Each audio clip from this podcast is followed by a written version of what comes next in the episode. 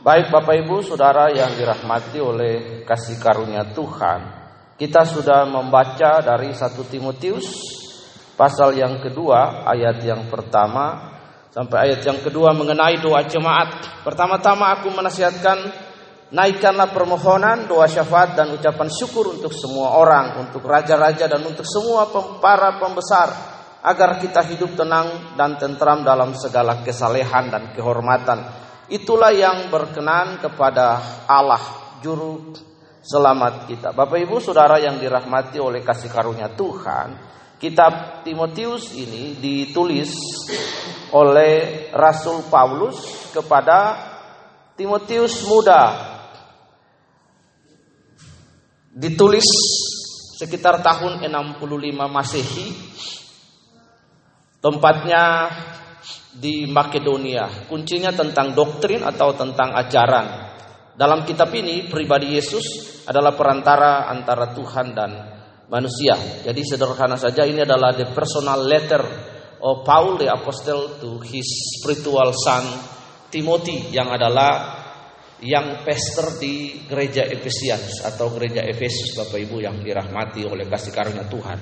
Bapak Ibu di sini ayat yang kita baca ini di sini ada introducing surat, pembukaan surat itu dimulai dengan ada sebuah advice dari Rasul Paulus, sebuah nasihat dari Rasul Paulus, bahkan lebih dari nasihat adalah sebuah permintaan dengan hormat. Ya, permintaan dengan hormat itu berarti nasihat. Di situ naikkanlah ada tiga hal, naikkanlah permohonan, doa, syafaat dan ucapan syukur untuk semua orang. Bapak Ibu bisa lihat pada bagian lain dari kitab Filipi pasal 4 ayat yang ke-6. Sama persis ayat yang Rasul Paulus tulis ini. Bapak Ibu, sebelum kita masuk saya ingin membawa kita pada perjanjian lama tentang doa supaya kita punya pemahaman. Bapak Ibu, ketiga Adam dan Hawa diciptakan di Taman Eden, mereka punya relasi dengan Tuhan. Sebenarnya doa itu, sederhananya doa itu adalah relasi dengan Tuhan. Relasi bagaimana kita berhubungan dengan Tuhan. Hari ini kan orang memformulasikan doa. Doa adalah hubungan dengan Tuhan. Lalu doa itu diadopsi, lalu dibawa ke dalam praktek hari-hari. Ada doa pagi, doa malam, doa semalam suntuk, ya malamnya sampai suntuk-suntuk, nah, ya kan, doa pagi, doa pagi-pagi, segala macam doa, doa makan, segala macam doa disebutlah embel-embel doa.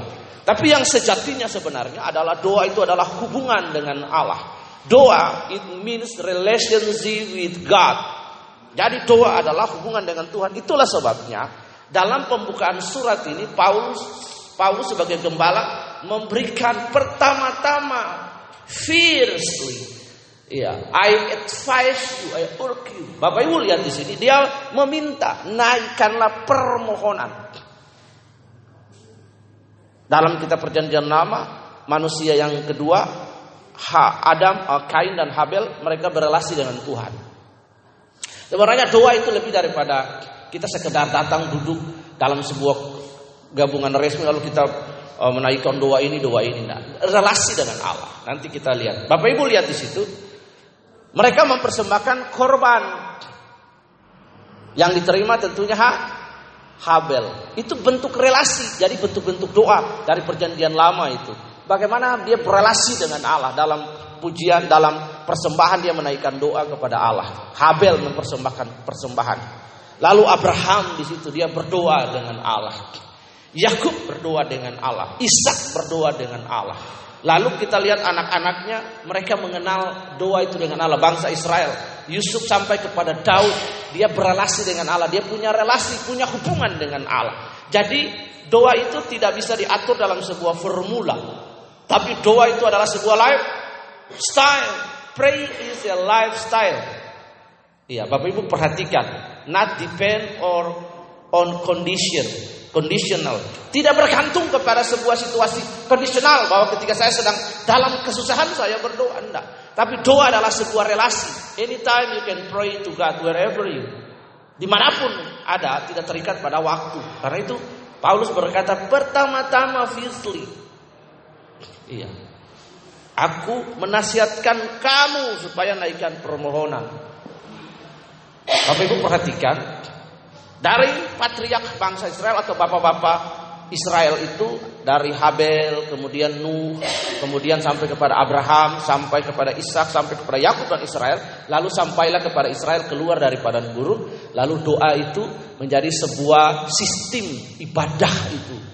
Tapi sejatinya doa itu adalah relasi dengan Allah. Bapak Ibu kalau perhatikan di dalam Markus pasal 1 ayat 35. In the in the early morning Jesus separate separate his own self from his disciples And take a time to pray with God. Dia pergi dan menyendiri dan mengambil waktu berdoa memisahkan diri dari murid-murid.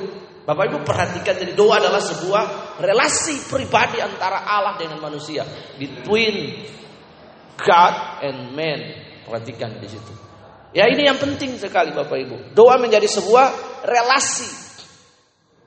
Di Israel, Bapak Ibu, dalam kehidupan bangsa Israel kita belajar itu dalam pujian penyembahan ada bentuk-bentuk doa yang dinaikkan permohonan dan seruan. Iya. Ada yang namanya tehila, Bapak Ibu. Orang berteriak. Ada yang namanya yadah. Ada yang namanya baruk, barak. Iya. Ada yang namanya halal. Iya. Haleluya, dia teriak. Woi, shalom. Nah, itu. Ada barak, ada tehila, ada halal. Macam-macam dia berteriak cry out to God. Bapak Ibu perhatikan di sini.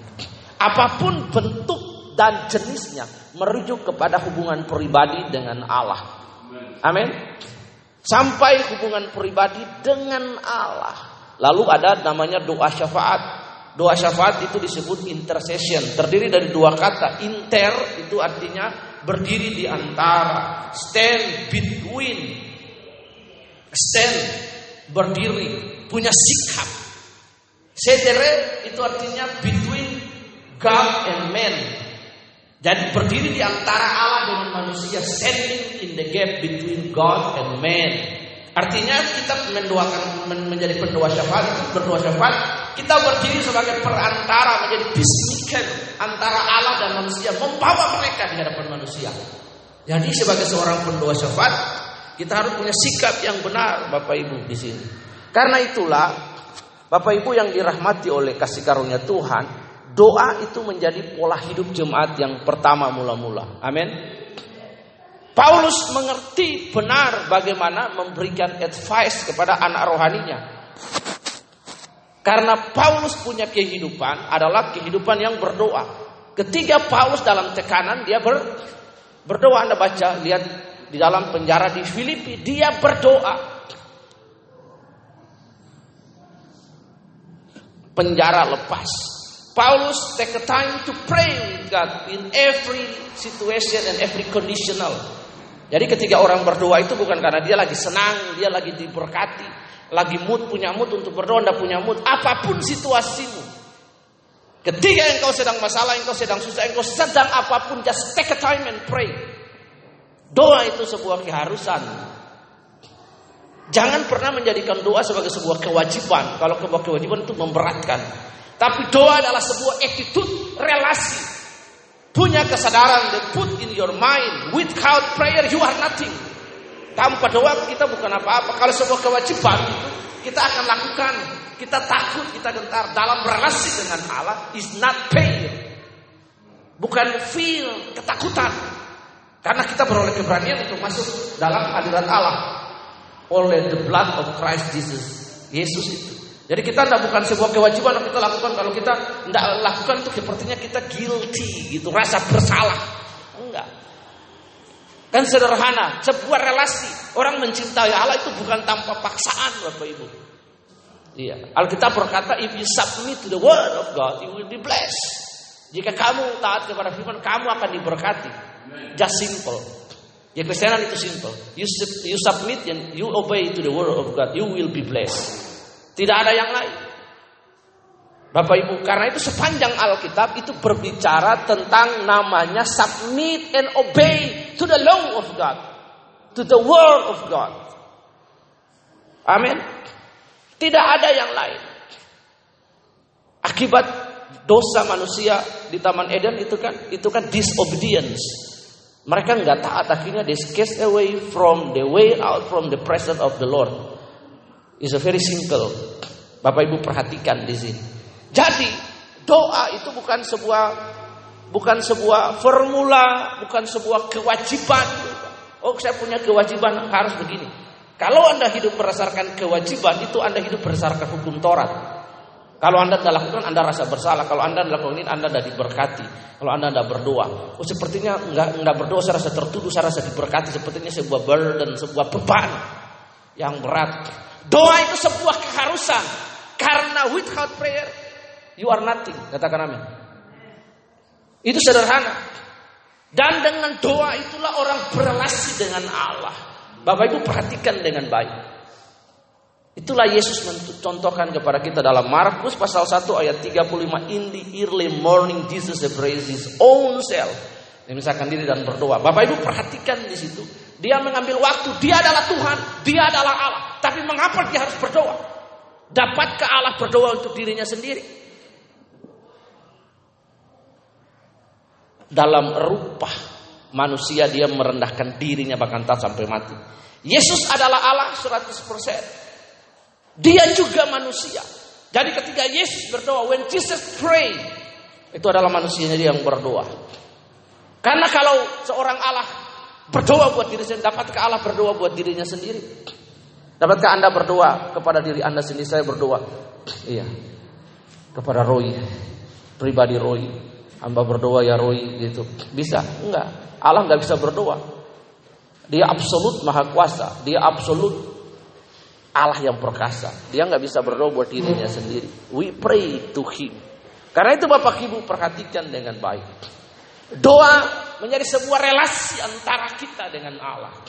Di dalam berbagai situasi apa pun mewajibkan kita bukan karena mood lagi senang untuk berdoa, lagi diberkati oh berdoa. Dalam kesedihan, dalam kesusahan, dalam ratapan, in every situation we must pray to God. Kita harus berdoa kepada Allah dalam berbagai hal apa pun. Bapak Ibu perhatikan, dalam situasi yang sulit di Siklah, ketika Daud dan anak istrinya harta kekayaannya dicarah dan orang mengancam prajuritnya mengancam melempari dia dengan batu. Hari itu dia dilempari dengan batu, hampir dilempari dengan batu. Alkitab berkata, Daud berdoa kepada Allah. Dia menguatkan hatinya kepada Allah. Di dalam situasi yang sulit, Bapak Ibu, Naomi berdoa kepada Allah.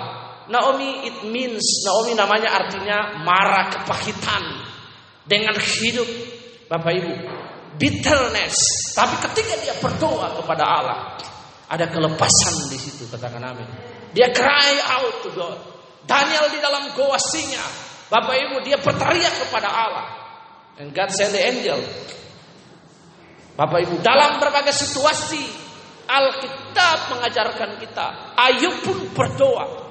Ketiga dalam situasi Bapak Ibu dapatkah Anda berdoa Ketiga harta Anda habis Anak Anda loh Tiga perempuan Tujuh laki-laki mati dalam saat yang bersamaan Dan Anda berkata haleluya Praise the Lord It's very difficult for us to say liken job. Seperti yang Ayub sampaikan. Bapak Ibu lihat di sini. Nah itu doa itu penting sekali. Jangan mengabaikan doa. Hadirlah dalam persekutuan-persekutuan dalam doa. Hidup Anda, rohani Anda terbergantung bagaimana cara Anda berdoa. Cara Anda menginvestkan waktu Anda untuk Tuhan. Bukan hanya dalam kegiatan gereja ini, tapi bagaimana hidup Anda sehari-hari? Anda punya waktu untuk berdoa apa enggak? Baca firman atau tidak? Bapak Ibu yang pertama yang penting, Paulus menasihatkan supaya naikkanlah permohonan doa permohonan. Iya. Sampaikanlah permohonanmu. Anda memohon apa pun permohonanmu, minta kepada Allah. Alkitab berkata sampai hari ah, Yesus berkata bahwa sampai hari ini kamu belum minta apa pun kepada Bapa. Karena itu mintalah kepada Bapa. Amin. Minta kepada Bapa. Ini prinsip Bapak Ibu. Permohonan. Untuk kita menghadap bupati, kita bikin surat audiensi permohonan kepada bupati. Untuk kita mau dapat bantuan, kita bikin permohonan bantuan proposal. Kita ngajukan. Iya permohonan kepada Tuhan. Amin. Kita mengajukan permohonan. Sampai hari ini apakah kamu sudah mengajukan permohonanmu kepada Tuhan? Ajukan permohonan kepada Tuhan. Jangan sekali, setiap kali, berkali-kali doa itu tidak mengenal waktu. Setiap hari apa pun yang jadi permohonanmu. Di dalam Filipi juga sama dikatakan naikkanlah permohonanmu kepada Allah dan ucapan syukur dalam segala hal. Maka Allah sumber damai sejahtera akan memelihara hati dan pikiranmu. Amin. Ini yang kita harus mengerti. Our life depends on our pray. Hidup kita juga bergantung kepada doa kita. Iya. Kehidupan doa. Kita tidak saja mengerti Alkitab, kita tidak saja rutinitas rajin, tapi tergantung doa-doa kita, relasi kita dengan Allah. Itu akan membawa kita supaya kita dewasa. Karena ketiga, kita menghadapi berbagai situasi hidup yang tidak terduga persoalan, pergumulan, permasalahan tanpa diundang juga hadir every day. Anda bangun tidur tidak ada kopi itu masalah. Setiap hari. Karena itu Bapak Ibu, mengapa kita berdoa? Karena itu Paulus berkata, aku menasihatkan kamu naikkanlah permohonan. Permohonan dulu. Lalu yang kedua, doa syafaat. Tadi siapa sudah bilang intercession. Menaikkan doa syafaat Anda menjadi peacemaker. Mendoakan orang lain menjadi pendamai. Kalau Anda mendoakan bangsa Indonesia, attitude kita harus benar. Kalau kita mendoakan Indonesia, maka attitude kita adalah Pancasila. Amin. Ya. Menaikkan doa syafaat, ucapan syukur untuk semua orang. Bapak Ibu perhatikan dengan baik di sini. Doa itu sangat penting. Ada tiga hal mengapa kita berdoa. Yang pertama, dengan berdoa kita berrelasi dengan Allah. Bagaimana cara kita berhubungan dengan orang lain? We talk face to face. Amin. Person to person. Komunikator yang baik adalah kita berhadapan berbicara. Bapak Ibu ada dua jenis komunikator. Yang pertama ada monolog, ada dialog. Monolog adalah saya berbicara dengan tempo. Hanya orang saya berbicara audience, there is no audience. Saya berbicara, halo ya warahmatullahi itu juga termasuk monolog dia berbicara. Tapi ketika kita berdiskusi karena itu ibadah yang kita lakukan ini adalah satu arah. Saya berdiri, saya menyampaikan. Tapi Bapak Ibu tidak bisa menyanggah ataupun Bapak Ibu tidak bisa membalas nanti di persekutuan ibadah keluarga. Bapak Ibu silakan bersaksi itu. Di situlah kita bersaksi saling membangun. Itu dialog. Paling bagus adalah dialog. Karena dengan dialog di situ orang dapat mengetahui perasaan orang lain, pendapat orang lain, opini orang lain, keresahan orang lain. Amin. Nah itu dia Bapak Ibu yang dikasih Tuhan. Jadi yang pertama mengapa kita berdoa dan mengapa Paulus menasihatkan supaya berdoa. Yang pertama dengan berdoa kita berrelasi dengan Allah. Without pray. All of us are nothing. Bapak Ibu lihat di motor saya itu saya ada tulis dulu punya stiker motor Supra sudah terhapus. Take a time to pray. Sate saat teduh. Jangan pernah memandang remeh kehidupan doa. Your prayer that is you are. Doamu adalah kamu. Kalau kamu tidak pernah berdoa, kita tidak pernah maksudnya kita tidak pernah berdoa, maka dalam situasi-situasi sulit respon kita akan kentara. Our response in the difficult time, in the difficult situation. It's so itu akan menunjukkan siapa identitas kita dalam berbagai situasi Bapak Ibu. Jadi mengapa kita berdoa? Paulus menganjurkan tiga hal ini. Mengapa kita berdoa? Yang pertama adalah berdoa adalah kita berrelasi dengan Allah. Iya. First point for us adalah we pray, we make relationship with God. Dengan berdoa kita berrelasi dengan Allah. The second point, Bapak Ibu perhatikan, dengan berdoa kita tahu Allah menjawab doa-doa kita. Katakan amin. Mengapa kita berdoa? Bapak Ibu coba. Mengapa kita berdoa? Karena kita tahu Allah menjawab doa-doa kita. If God does not answer our pray, stop berdoa. Amin. Karena kita berdoa karena ada dasar firman Allah yang sanggup menjawab setiap pergumulan dan doa-doa kita. Allah menjawab. Sekalipun jawaban doanya ada tiga. Yes, no, always. Yes, karena itu kebutuhan, bukan keinginanmu. Yang kedua no, karena ada hal-hal yang perlu kita selesaikan. Wait, tunggu supaya kairos waktu Allah itu digenapi dalam waktu kita. Katakan amin. Jadi mengapa kita berdoa? Yang pertama kita berrelasi dengan Allah. Yang kedua mengapa kita berdoa adalah yang kedua kita tahu bahwa Allah menjawab doa-doa kita. Bapak Ibu, mengapa Allah menjawab doa kita? Kata Bapak itu, Bapak, Father. Father, Bapak, bahasa Ibrani-nya Abah. It means atau artinya satu, sustainer, penopang dari segala sesuatu. Yang kedua, nama Bapak itu sumber dari segala sesuatu. Makanya orang tua kata Bapak itu perhatikan dia melahirkan keturunan ke keturunan sumber. Kata Bapak itu sumber, Father itu kaya sekali. Itulah sebabnya mengapa Jesus teach his disciple how to pray to God. Dia berdoa, mari aku ajarkan doa ini kepada kamu. Bapa kami yang di surga, our heavenly Father. Abba Samayim. Bapa di surga. Nah, Bapak Ibu perhatikan. Dia sumber segala sesuatu. Karena itu ada jawabannya Bapak Ibu bisa buka di dalam Yakobus pasal 1 ayat yang ke-17.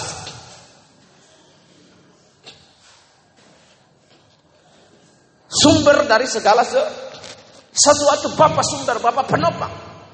Jadi when we pray to Father, we pray to source. We pray to source.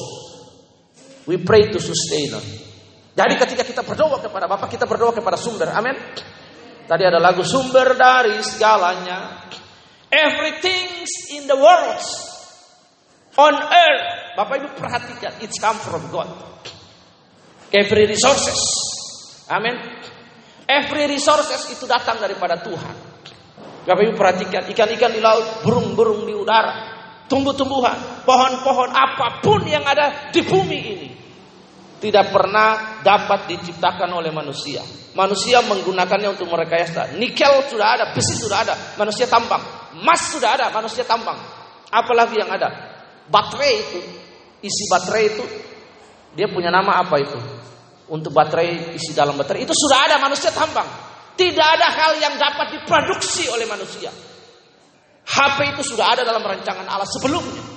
Manusia hanya menem, manusia hanya menciptakan menemukan saja. Karena Allah kasih hikmat. Without God put put the wisdom in them. They cannot create anything.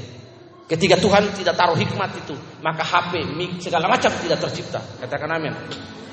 Sumber dari segalanya. Segala sesuatu kan dari awal bersumber dari Allah. Matahari, bulan, bintang. Only the word of God come from his mouth. Allah berfirman. Jadi, jadilah terang. Hendaklah tunas-tunas muda mengeluarkan. Hendaklah apalagi hendaklah ikan-ikan merayap burung-burung semua datang daripada Allah. Sebelum manusia diciptakan dan dijadikan oleh Allah, Allah telah menciptakan semua yang ada. Manusia hanya mengelolanya. Berkuasa atas burung-burung di udara dan segala sesuatu manusia diberikan mandat untuk mengelola. Amin. Karena itu ketika kita berdoa sumber dari segala sesuatu. Sudah ada banyak kesaksian kan? There's the many testimony around the world. Kesaksian ada orang Kristen tidak punya rumah Allah kasih rumah, tidak punya mobil Allah kasih mobil. Amin. Ini bukan supaya kita teloga kemakmuran, tetapi nyata bahwa sumber segala sesuatu itu Allah. Allah dapat kasih pun apa pun. Dia mau dan dia bisa, dia mampu dan dia dapat, Bapak Ibu. Nah ini, berarti Allah itu hebat, sumber segala sesuatu. Anda baca dalam Yakobus pasal 1 ayat 17, ada yang bisa baca.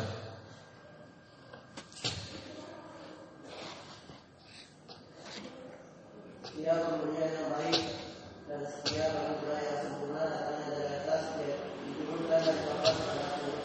Iya. Tidak ada perubahan apa yang sekarang. Iya, ada sebuah lagu dalam bahasa Inggris saya ingat waktu mau konser di lembah pujian dulu dengan tim waktu saya masih di YWM namanya Bali Win Worship. Pastor Phil Bennett dia main gitar dia nyanyi lagu ini. Father of light, you delight in your children. Every good and perfect things come from you. Semua anugerah dan pemberian yang terbaik itu datang daripada Bapa katakan amin. Nah, dan anugerah yang terbesar itu adalah Kristus Yesus bagi Anda dan saya. Karena itu Bapak Ibu Saudara yang dirahmati oleh kasih karunia, Doa itu penting, it's very important things. Tidak saja kita rajin dalam persekutuan ibadah, doa, tapi juga pribadi dengan Allah. Daud berdoa kepada Allah tujuh kali. Daniel juga berdoa kepada Allah dengan menghadapkan mukanya ke timur. Semua orang berdoa. Doa itu penting. Bahkan Bapak Ibu gereja mula-mula dalam kisah Rasul pasal 2 dan kisah Rasul pasal 4. Jemaat berkumpul berdoa bersama-sama. Amin. After the ascension of Jesus Christ, setelah kenaikan Tuhan Yesus ke surga, Murid-murid melakukan apa? They get drinks. Mereka berkumpul and pray together dan berdoa bersama-sama. Amin. Jadi Roh Kudus datang dan dijanjikan oleh Yesus iya. Tapi Roh Kudus datang dan dijanjikan oleh Yesus itu hadir dalam persekutuan doa. Jadi without prayer Holy Spirit cannot anoint and surround you. Tanpa doa Roh Kudus tidak pernah kasih hikmat, tidak pernah ngurapi, Nah pernah. Nah ini penting Bapak Ibu yang dirahmati. Yang ketiga, mengapa kita berdoa? Karena dengan berdoa segala sesuatu lebih jauh efektif. Ada hal-hal penting dalam hidup. Permasalahan-permasalahan dalam hidup. Saya orangnya cepat emosional juga. Temperamen. Tapi ketika saya ambil waktu bersekutu berdoa saya jadi lebih baik memutuskan lebih banyak tenang lebih banyak memutuskan diam di awal-awal saya melayani saya sangat temperamen Sekalipun pelayanan mungkin orang lihat bagus ya, di, bukan di gereja di sini, baru di peritisan berapa belas tahun, dua, 2008. Iya. Tapi dalam segala hal, dalam situasi semakin dewasa, saya mengerti dan akhirnya saya dirubah pelan-pelan bahwa doa itu segalanya. Itulah sebabnya maka penting sekali bagi kita untuk doa di tempat ini. Ya. Kenapa bagi penting kalau anda hidup di panti ini dapat bantuan dari pemerintah tiap bulan tanpa kita melakukan apa-apa, is oke okay, ada orang kasih bantuan, tetapi kita hidup dengan iman. Amin. Kan saya bilang kemarin, mari kita berdoa karena sudah lama kita tidak makan KFC. And then Anda makan KFC kan? Iya. Meskipun dia sponsor, tapi doa itu yang menggerakkan. Doa itu yang membuat orang punya compassion Bapak Ibu. Punya belas kasihan. Doa itu change. Sudah banyak Bapak Ibu. Kesaksian there's many testimony around the world. That's pray change the world. Doa itu merubah merubah situasi politik. Doa itu merubah situasi negara. Doa itu merubah sebuah rumah tangga yang rusak, yang mau cerai jadi pulih. Doa itu mendatangkan kesembuhan. Karena itu penting sekali. Yang ketiga, doa itu penting karena apa? Doa itu membuat segala sesuatu jadi jauh lebih baik, lebih efektif. Doa Anda memulai hari Anda tanpa doa, segala sesuatu akan sia-sia. Anda ada cepat jengkel, cepat cepat marah, cepat uring-uringan, ya cepat temperamen naik. Orang bilang cepat darah tinggi. Padahal darah tidak pernah tinggi-tinggi. Yang naik itu tensinya. Iya kan?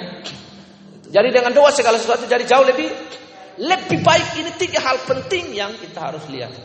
Bahwa doa itu penting. Doa merubah keadaan. Paulus ketika ditangkap di penjara Kaisaria Filipi. Apa yang terjadi? Tubuhnya secara fisik boleh dikerangkeng. Tubuh Paulus secara fisik boleh dikerangkeng. Tapi tidak dengan rohnya. Amin. Ketika Paulus berdoa memuji Tuhan, apa yang terjadi? Gempa bumi. Penjara terlepas. Kepala penjara datang sujud menyembah kepada Paulus. Tapi Paulus bilang, jangan menyembah aku, menyembah Allah. Hari ini engkau dan seluruh keluargamu harus dibaptis kepada Tuhan. Dan kepala penjara itu di atas kepala sipir hari ini, kalau kita bilang sipir. Dia berdoa memuji Tuhan. Penjara jeruji besi itu lepas. Bukan seperti penjara sekarang Bapak Ibu perhatikan, penjara zaman Romawi itu di sini ada besi, ada rantai, di sini ada kaki di bawah. Ada pasung. Kalau penjara di sini ada dalam sel orang jalan bebas makan minum mandi zaman dulu nggak ada. Lepas dan orang bertobat. Bahwa kekuatan doa itu sangat berkuasa. Bapak Ibu doa itu penting. Dan itu mari kita berdoa. Yang kedua, Naikkan untuk raja-raja dan untuk semua pembesar agar kita dapat hidup tenang dan tentram dalam kesalian dan kehormatan. Bapak Ibu kita buka di dalam Satu Tawarik pasal 14 kita dapat melihat bahwa doa itu begitu penting.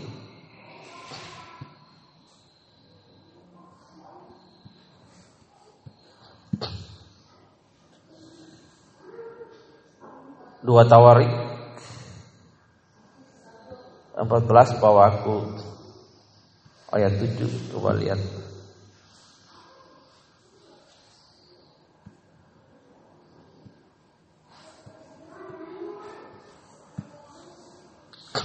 Dua Tawarik pasal 7 ayat 14 Bapak Ibu. Mohon maaf. Dua Tawarik pasal 7 ayat 14. Dan umatku yang atasnya namaku disebut merendahkan diri, berdoa, mencari wajahku, lalu berbalik dari jalan-jalannya yang jahat, maka aku akan mendengar dari surga dan mengampuni dosa mereka serta memulihkan negeri mereka. Jadi doa sangat penting. Bapak Ibu perhatikan. Your pray can change the nation. Doa kita dapat berubah bangsa. Amin. Doa kita dapat menentukan arah bangsa ini. Kita lihat kalau berbagai situasi. Stand, kita berdoa, kita berteriak kepada Allah. Cry out to God. Maka Allah akan merubah bangsa-bangsa itu. Doa itu begitu penting. Bapak Ibu lihat ayat yang kedua. Itulah sebabnya dalam bahasa Inggris doa itu disebut pray. Pray P R A Y. Yang pertama pray itu P itu artinya praise.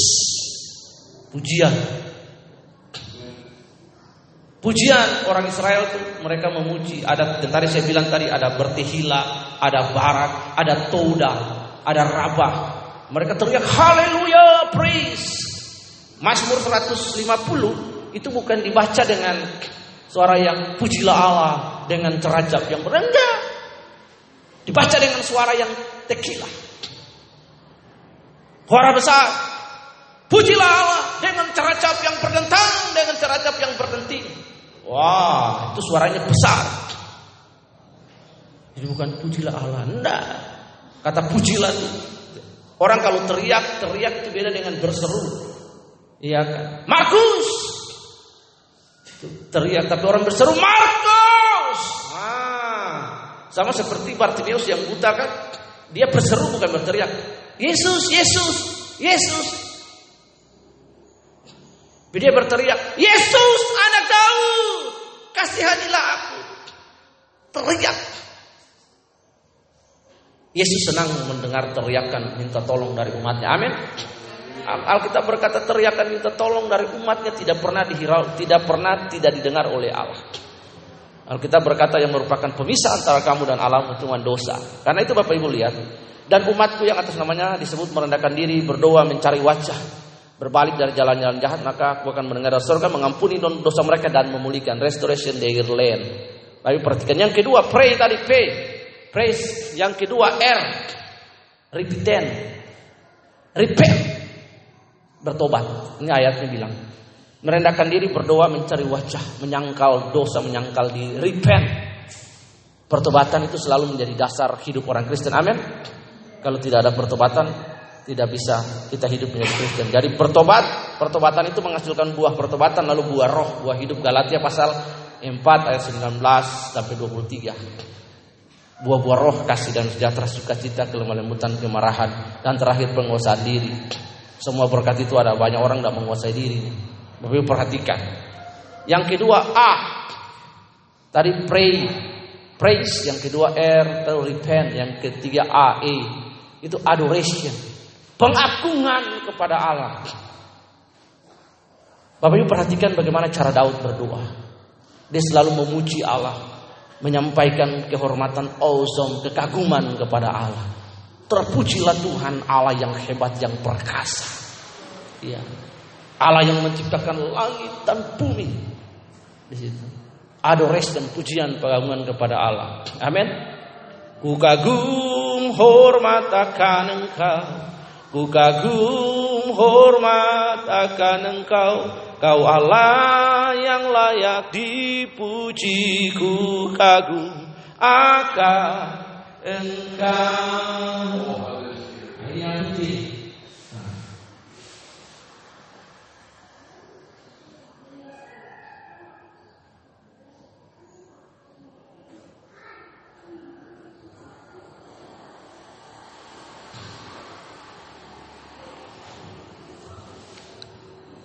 Bapak Ibu perhatikan, yang berikut adalah adoration tadi sudah, yang terakhir Y, yield.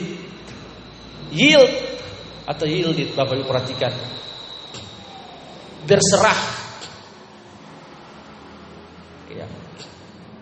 Surrender. Menyerah itu beda dengan berserah. Bapak perhatikan. Menyerah. Orang-orang menyerah itu orang sudah patah semangat.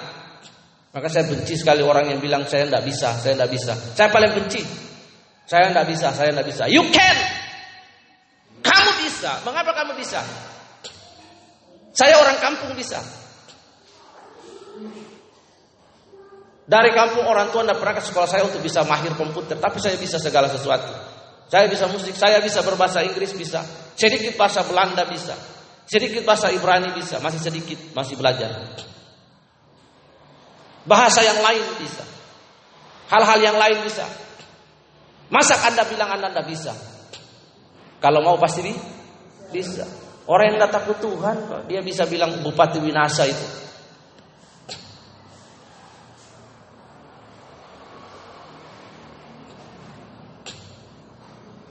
Bupati Winasa itu keren. Dia bilang apa? Kalau mau pasti bisa. Yang penting Anda mau aja. Anda bisa. Jadi kalau Anda bilang Anda, Anda bisa, waduh, Anda melecehkan Tuhan sekali dalam hidup ini. Tuhan ciptakan kita lengkap, saya tidak bisa, saya tidak bisa, tidak mampu, jangan. Anda melecehkan Tuhan yang cipta Anda. Kalau Anda bisa bikin yang lain, yang lain juga pasti Anda bisa. Amin. Tuhan ciptakan kita hebat. Iya. Bapak Ibu perhatikan di sini. Karena itu yielded berserah dan menyerah itu berbeda. Menyerah itu kita bilang kita tidak bisa bikin apa, saya tidak mampu, saya tidak kuat. Eh sudahlah, iya. Akhirnya gantung diri kemarin tuh dekat sana rumahnya Om Erik. Itu menyerah namanya. Iya. Jangan menyerah itu orang harus punya semangat juang yang tinggi. Amin. Iya, punya semangat juang, semangat. Jangan menyerah. Apa lagu yang kutak tuh dapat menyerah walau apa pun juga. Gimana lagunya? Ku takkan menyerah walau apa pun juga. Ah, jangan menyerah, berserah kepada Yesus. Artinya membawa dan menaruh hidup ini kepada Dia. Tuhan ini hidup saya, saya bawa saya taruh, tapi saya tidak pernah menyerah. Berjuang terus sampai titik darah penghabisan. Amin. Semangat apa pun yang terjadi. Saya kemarin belajar tentang baca artikel banyak tentang Kopassus. Kopassus punya moto itu, Bapak Ibu. Lebih baik pulang berkalang nama. Kami telah bersumpah berjanji kepada Ibu Pertiwi Negara. Lebih baik kami mati. Itu janji kami. Lebih baik pulang ber, ber, ber, membawa nama daripada hidup. Apa itu? Jadi tugas dia kehormatan adalah mati. Kalau Kopassus itu mereka mati demi Ibu Pertiwi, demi negara ini itu sebuah kehormatan. Amin. Kehormatan bagi kita sebagai orang Kristen adalah tetap berdiri teguh pada iman kita. Apa pun yang terjadi singkirnya singkir Yesus token. Domur tadi. Iya. Tuh balik aja nanti saya tanggung semua. Bah. Yesus hebat. Jangan bolak-balik ya. Pahit bangkung sekali Yesus tetap Yesus. Tidak pernah mengecewakan aku dalam hidup ini. Amin. Selama saya hidup sampai hari ini, sekalipun Yesus tidak pernah mengecewakan saya, saya justru yang mengecewakan dia, iya. Tapi Yesus tidak pernah mengecewakan saja. Yesus tidak pernah berbuat sesuatu yang kurang baik kepada saya. Haleluya. Jangan di sini kita enak-enak, sampai di sana maaf jauh, iya kan? Kita terpisah oleh lautan api, kayak Lazarus surga dan neraka. Iya. Tolong saya Pak, ke sini bawa air sedikit. Waduh, bagaimana ini? Tidak bisa ini. Iya kan? Jadi itu penting Bapak Ibu. Amin. Mari kita menjadikan doa itu menjadi kehidupan. Yang terakhir dari 2 Timotius pasal 1 tadi, 2 Timotius 1 Timotius pasal 2 ayat yang ketiga kita baca. Bapak Ibu. Di situ Itulah yang baik dan yang berkenan kepada Allah juru selamat kita. Nah, jadi doa, sikap hidup doa, pengertian kita tentang bergantung kepada Allah dalam doa, permohonan dan ucapan syukur, itulah yang baik dan yang berkenan kepada Allah. Amin. Sesuatu yang baik, sesuatu yang benar, yang baik tentu dikenan oleh Allah. Dan hal yang berkenan, yang baik, yang berkenan kepada Allah Juru Selamat kita adalah ber, berdoa, memohon dan berseru di ayat 1 itu kita lihat adalah permohonan, doa syafaat dan ucapan syukur. Ah, kita lihat itu adalah hal yang paling berkenan kepada Allah. Jadi kehidupan doa, kehidupan yang berkenan Allah senang sekali kita mengajak ngobrol. Coba kita tinggal satu rumah. Coba bayangkan, saya sudah pernah diamkan istri saya satu, hari, tiga hari, apa berapa hari. Dia gila. Iya. Saya tidak aja ngomong sehari aja, weh dia stres. saya pernah. iya, karena dia tidak diajak ngomong sama dia apa apa begini ini, ini. Kamu boleh bikin apa saja tapi jangan diamkan saya. Saya peluk dia lagi. Coba bayangkan. Kalian tinggal satu rumah tapi tidak pernah sapa begitu suami istri. Iya. Atau pakai kode kan masak sama-sama mau makan tuh toki gelas. Ting ting. Habis cuci ya coba bayangkan. Susah. Apalagi sudah saling mengasihi suami istri lalu hidupnya tidak apa? Ajak ngomong sama-sama bisu gitu loh. Nah diajak ngomong. Coba ndak diajak ngomong. Apalagi misalnya saya nggak ajak ngomong siapa Valentina begitu Valentina datang berdiri kayak apa?